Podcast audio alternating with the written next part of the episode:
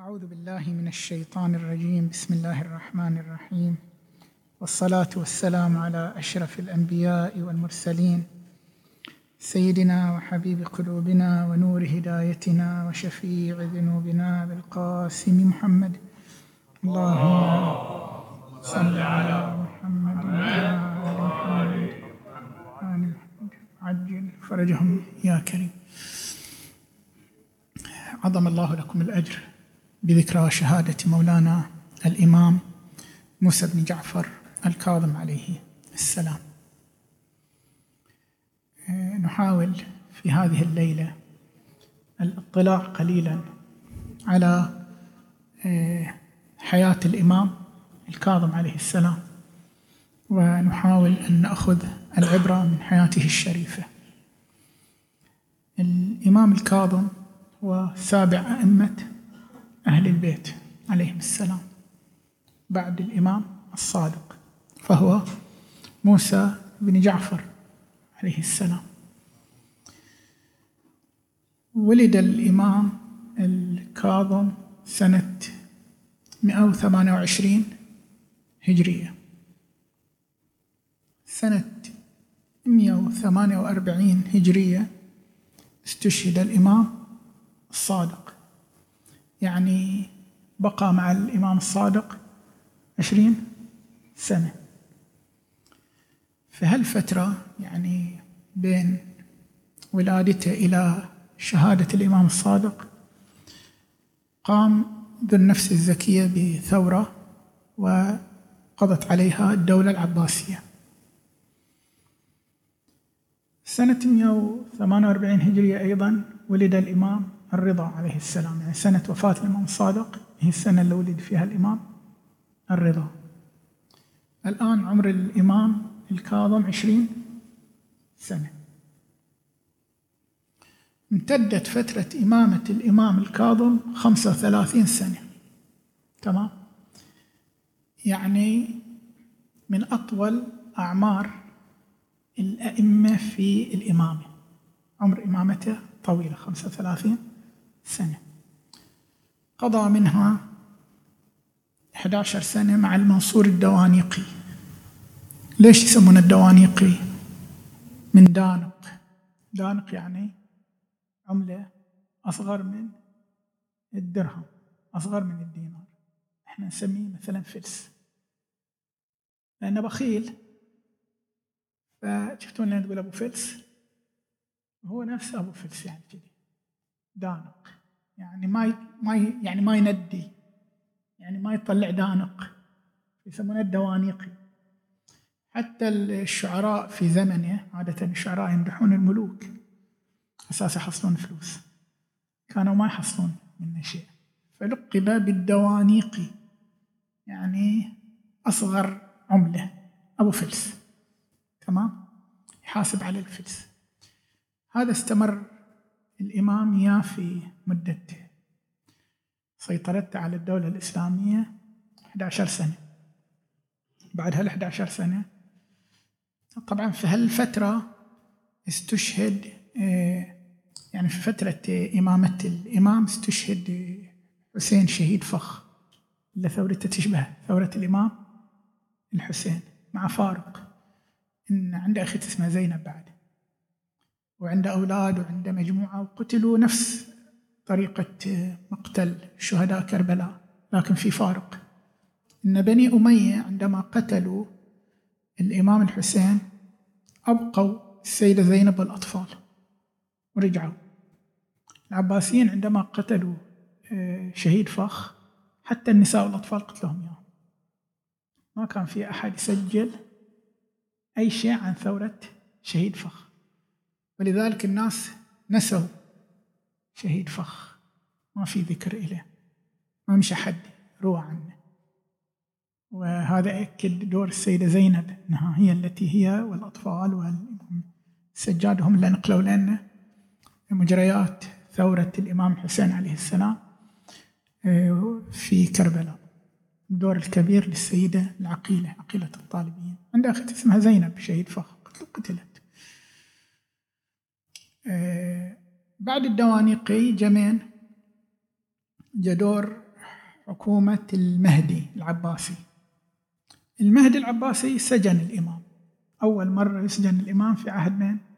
المهدي العباسي. طبعا خلينا نرجع شوي للدوانيقي الدوانيقي يوم توفى الإمام الصادق طلب من واليه في المدينة المنورة إنه يشوف إلى مين أوصل الإمام الصادق ويجيب الأسماء ويحكم عليهم بالإعدام. اللي أوصى إليهم محكوم عليهم بالإعدام. الإمام أوصل خمسة. أوصل الدوا... أوصل الدوانيقي أول واحد عشان يعدم روحه يعني. وأوصل والي المدينة رقم اثنين. وأوصل عبد الله الأفطح. هذا مين عبد الله الأفطح؟ هذا واحد انحرف عن خط من أولاد الإمام.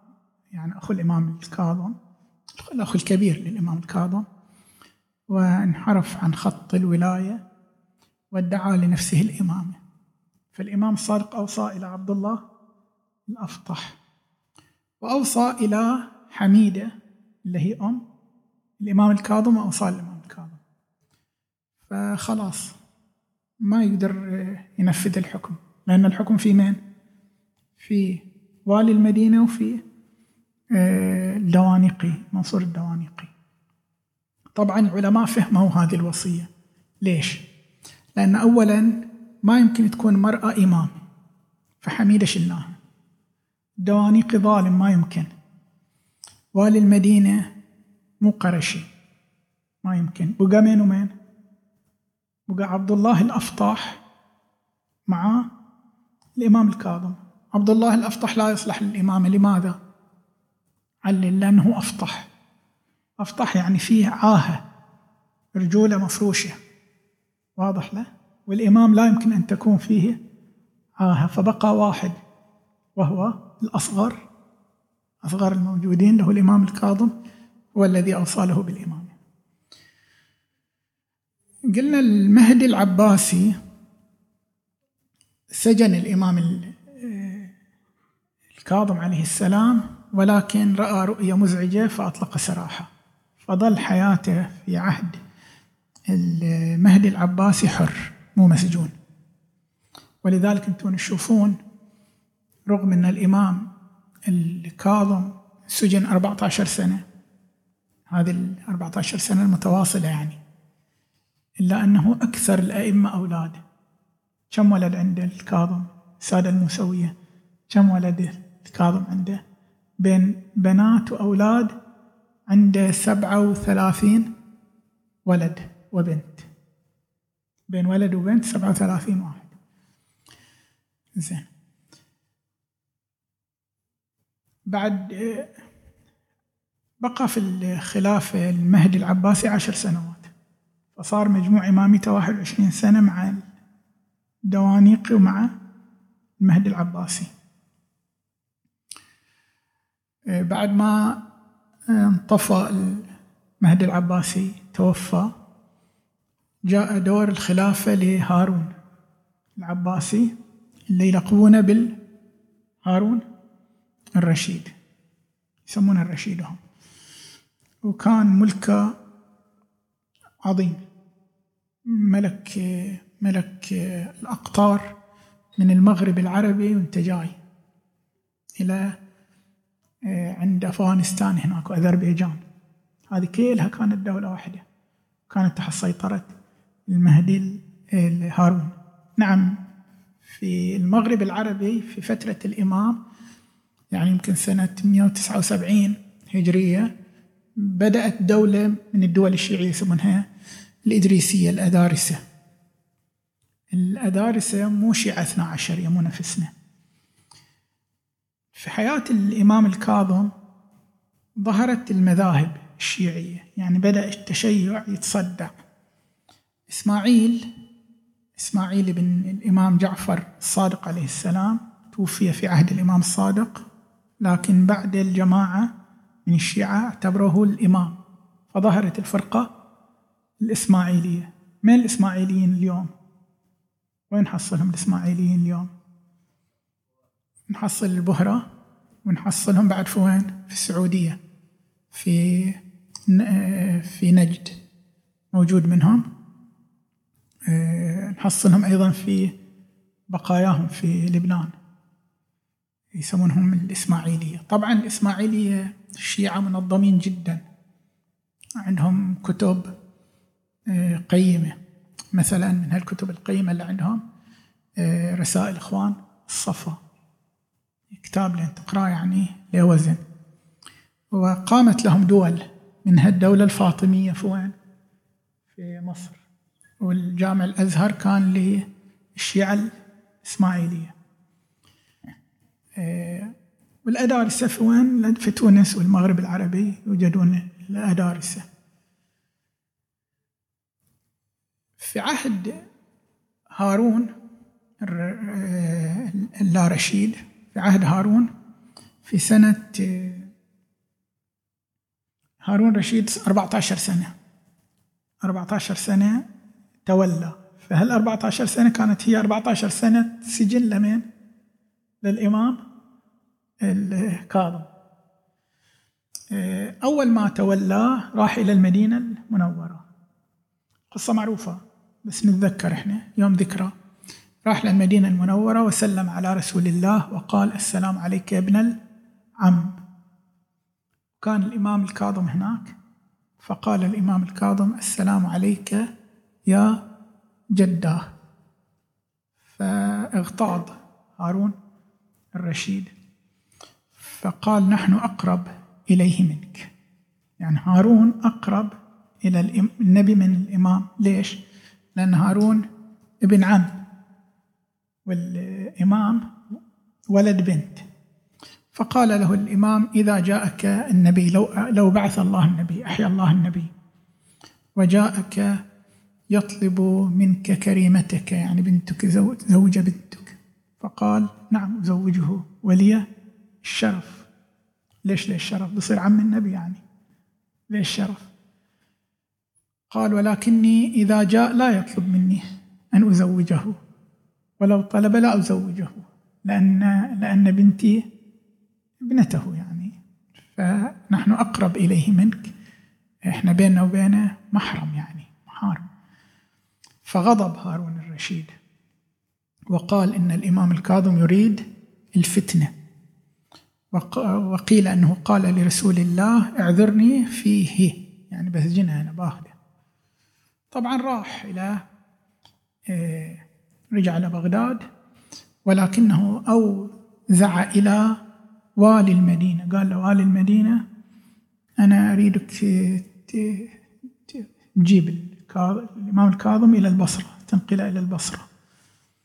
وسجن في البصرة. طبعا هذه قصة من القصص التي اللي يقولون سببها سجن الإمام. آه، يقولون أيضا أن بعض أبناء عمومة الإمام وشى به. ويقولون أن يحيى البرمكي هو الذي وشى به.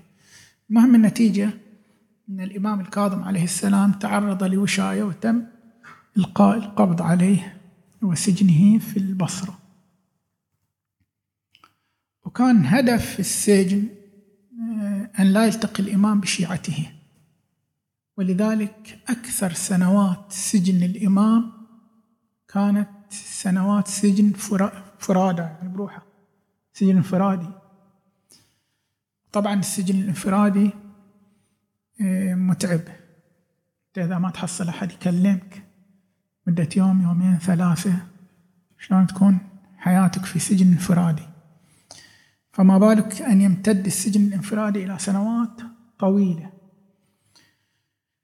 آه، شلون كان الإمام يقضي حياته في السجن؟ شلون كان يقضي حياته في السجن؟ يروى أن هارون الرشيد أحد السجون ده أحد السجون أن هارون الرشيد كان قد وضع الإمام في باحة مكان مكشوف وكان هو يطل على هذه الباحة من الشرفة بلكونة يعني. ويرى قطعة ثوب مرمية على الأرض فسأل الربيع قال ما هذه الثوب التي على الأرض؟ فقال له هذه ليست ثوب هذا موسى بن جعفر. وله سجدة تمتد من طلوع الشمس إلى زوالها. من ارتفاع الشمس فجر من ترتفع الشمس شوي لين ما تزول هذا سجدة واحدة. يعني كم ساعة تقريبا؟ خمس إلى ست ساعات خمس ونص إلى ست ساعات سجدة واحدة. طبعا إحنا عندنا من العرفاء من يسجد سجدة طويلة مثل الملك التبريزي يسجد في اليوم سجدة آه تقريبا ساعة إلا ربع سجدته اليومية. يقول فيها لا إله إلا أنت سبحانك إني كنت من الظالمين. اللي هو الذكر اليونسي في سجدة ساعة إلا ربع. بس إذا واحد يجرب كم أطول نفس عندك للسجود؟ بيشوفون أن نفس سجود خمس ساعات وشوي. هذا شيء صعب جدا ما ما يتحقق. ساعة ما يتحقق. مثل الملك التبريزي صعب أن واحد يسجد ساعة إلا ربع في وضعية سجود. فهاللحظة قال هارون الرشيد كلمة. قال إنه من رهبان بني هاشم. إحنا بنتوقف شوي على كلمة رهبان بني هاشم. وش معنات راهب؟ وش معنات رهبان؟ الرهبان حركة ظهرت عند ما ظهرت في الإسلام ظهرت عند المسيحية ويمكن تشوفونها موجودة عند البوذية والهندوس وغيرهم يعني. وش معنات الراهب؟ مأخوذ من الرهبة. الرهبة يعني الهيبة. هيب الهيبة من الله سبحانه وتعالى. هذه الهيبة تستدعي أن يعتزل الإنسان الدنيا ويكون له نمط من الحياة متفرغ طول وقته إلى العبادة. حالة من الصيام والذكر والتأمل والانقطاع عن البشر بشكل عام. الحين مين اللي يوصف الإمام بهذا الوصف؟ هارون الرشيد. هارون الرشيد يقول إنه من الرهبان آل محمد. وإحنا نعرف أنه لا رهبانية. صلى على محمد وآل محمد. وإحنا نعرف أنه لا رهبانية في الإسلام. لكن الإمام يعطينا درس. يقول هذا الدرس يقول والله لا يبلي مؤمن بأن يتعرض للسجن. والله لا يبلي مؤمن أن يتعرض لسجن فراج فرادي. ونسأل الله سبحانه وتعالى بحق هذه الليلة وبحق ظلامة الإمام الكاظم عليه السلام أن يفك أسرانا جميعهم فقد طال عليهم السجن. وأن لا يذيق أحد طعم السجن الانفرادي لأن كثير من راحوا في السجن الانفرادي آه، خلاص العقل مع مرور الزمن يتلف العقل. ولكن الإمام يقول إن إذا أنت ما صار عندك أي مجال للقيام بأي شيء أنت ما تقدر تدرس ولا تقدر تلتقي بشيعتك ولا تقدر تمارس أي نوع من أنواع الحياة فلا تيأس. إذا أغلقت عليك أبواب الأرض فإن أبواب السماء لا تغلق. خلك مع الله سبحانه وتعالى. هذه الحالة من الانقطاع مع الله سبحانه وتعالى سماها آه، هارون بالرهبانية وهي ليست رهبانية.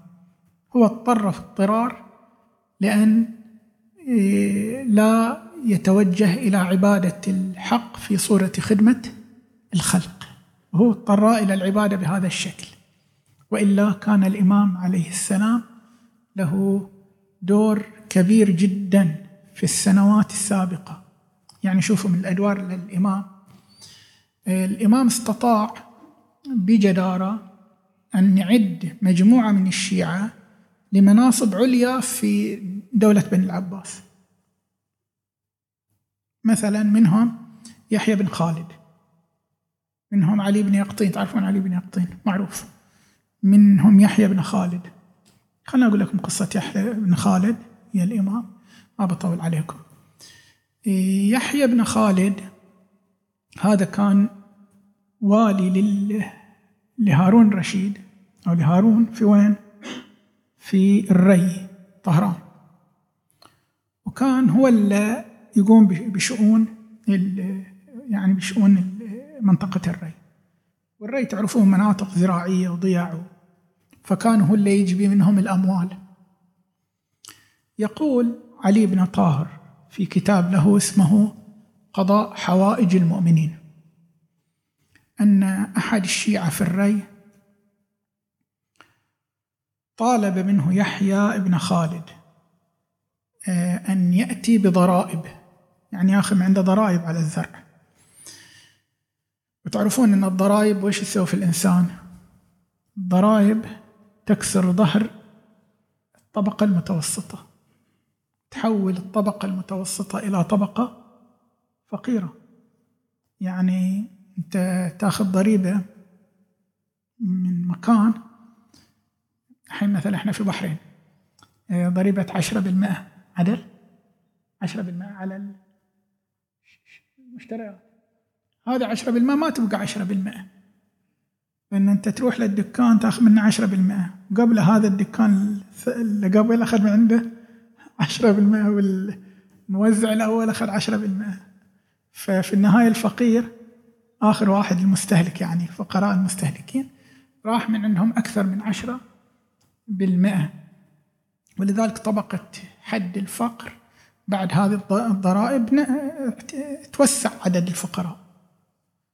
وازدادت الأسعار بشكل كبير. طبعا الحين بعد الأسعار جاية في ازدياد. ليش؟ لأن العالم يشهد حروب. فإذا يشهد حروب يشهد صعوبة في نقل البضائع. إذا يشهد صعوبة في نقل البضائع يعني آه، الضرائب تزيد.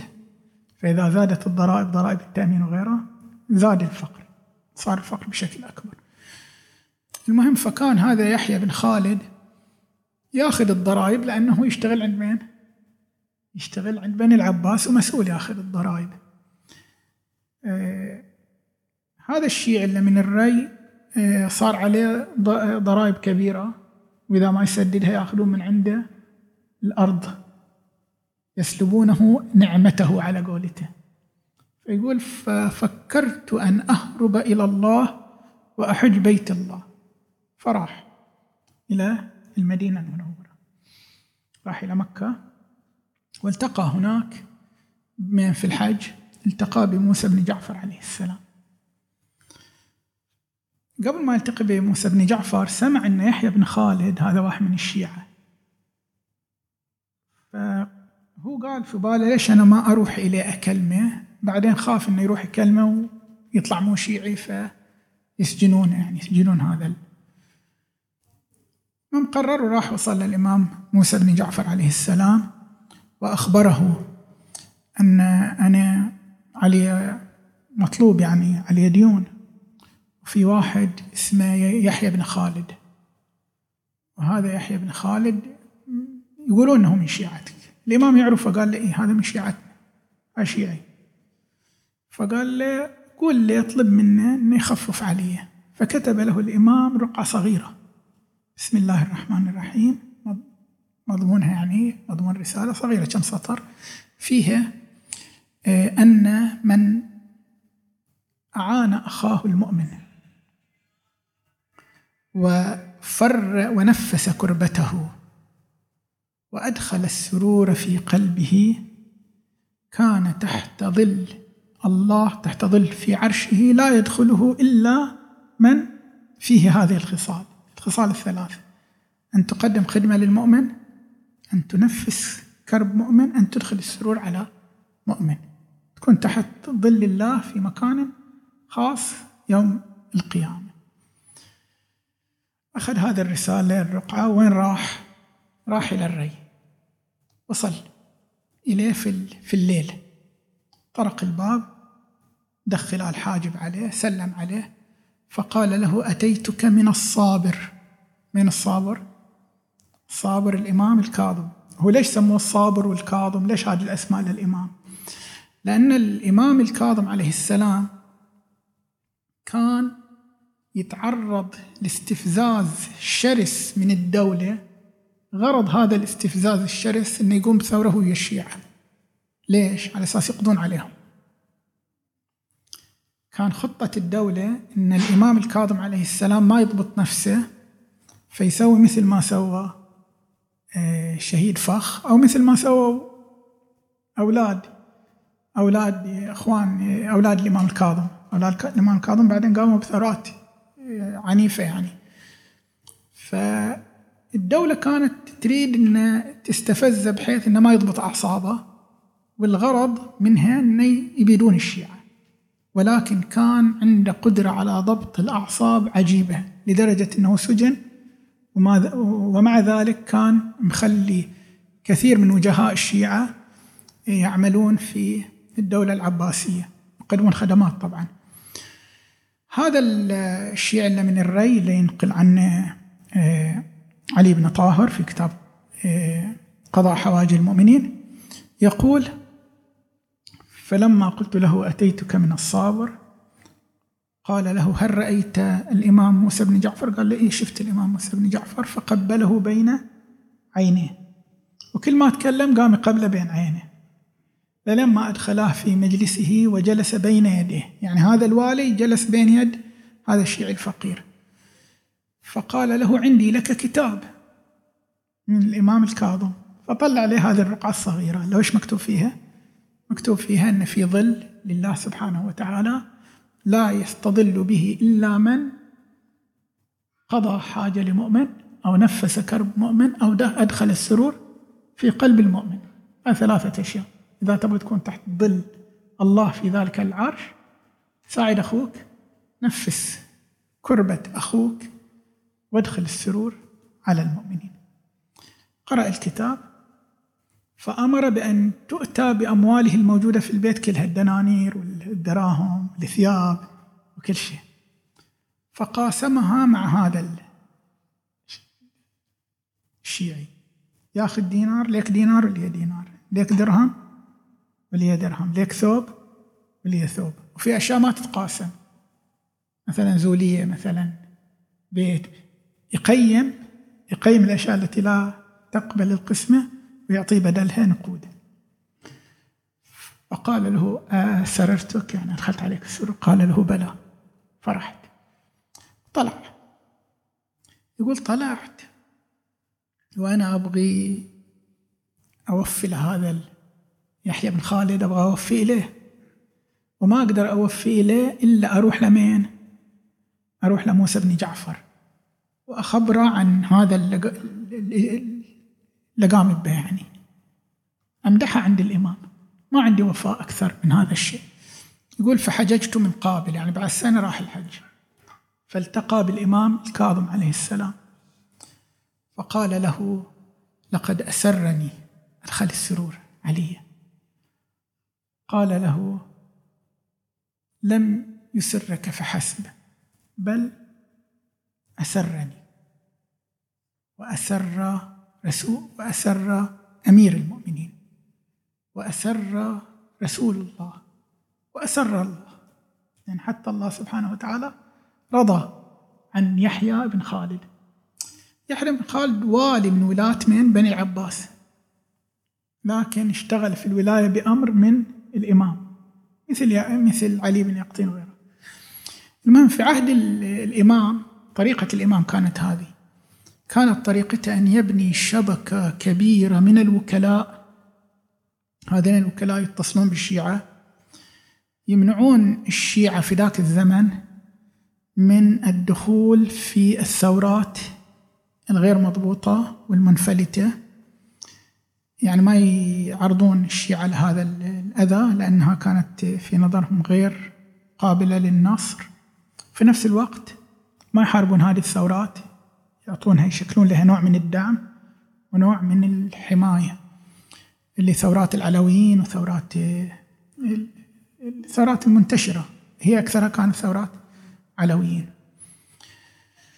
هارون رشيد لم يتحمل الإمام الكاظم عليه السلام وكان كل ما ينقله إلى السجن يتأثر به السجان لكثرة عبادته راهب يسميه راهب لكثرة عبادته وعلاقته مع الله سبحانه وتعالى فاختار له أحد النواصب.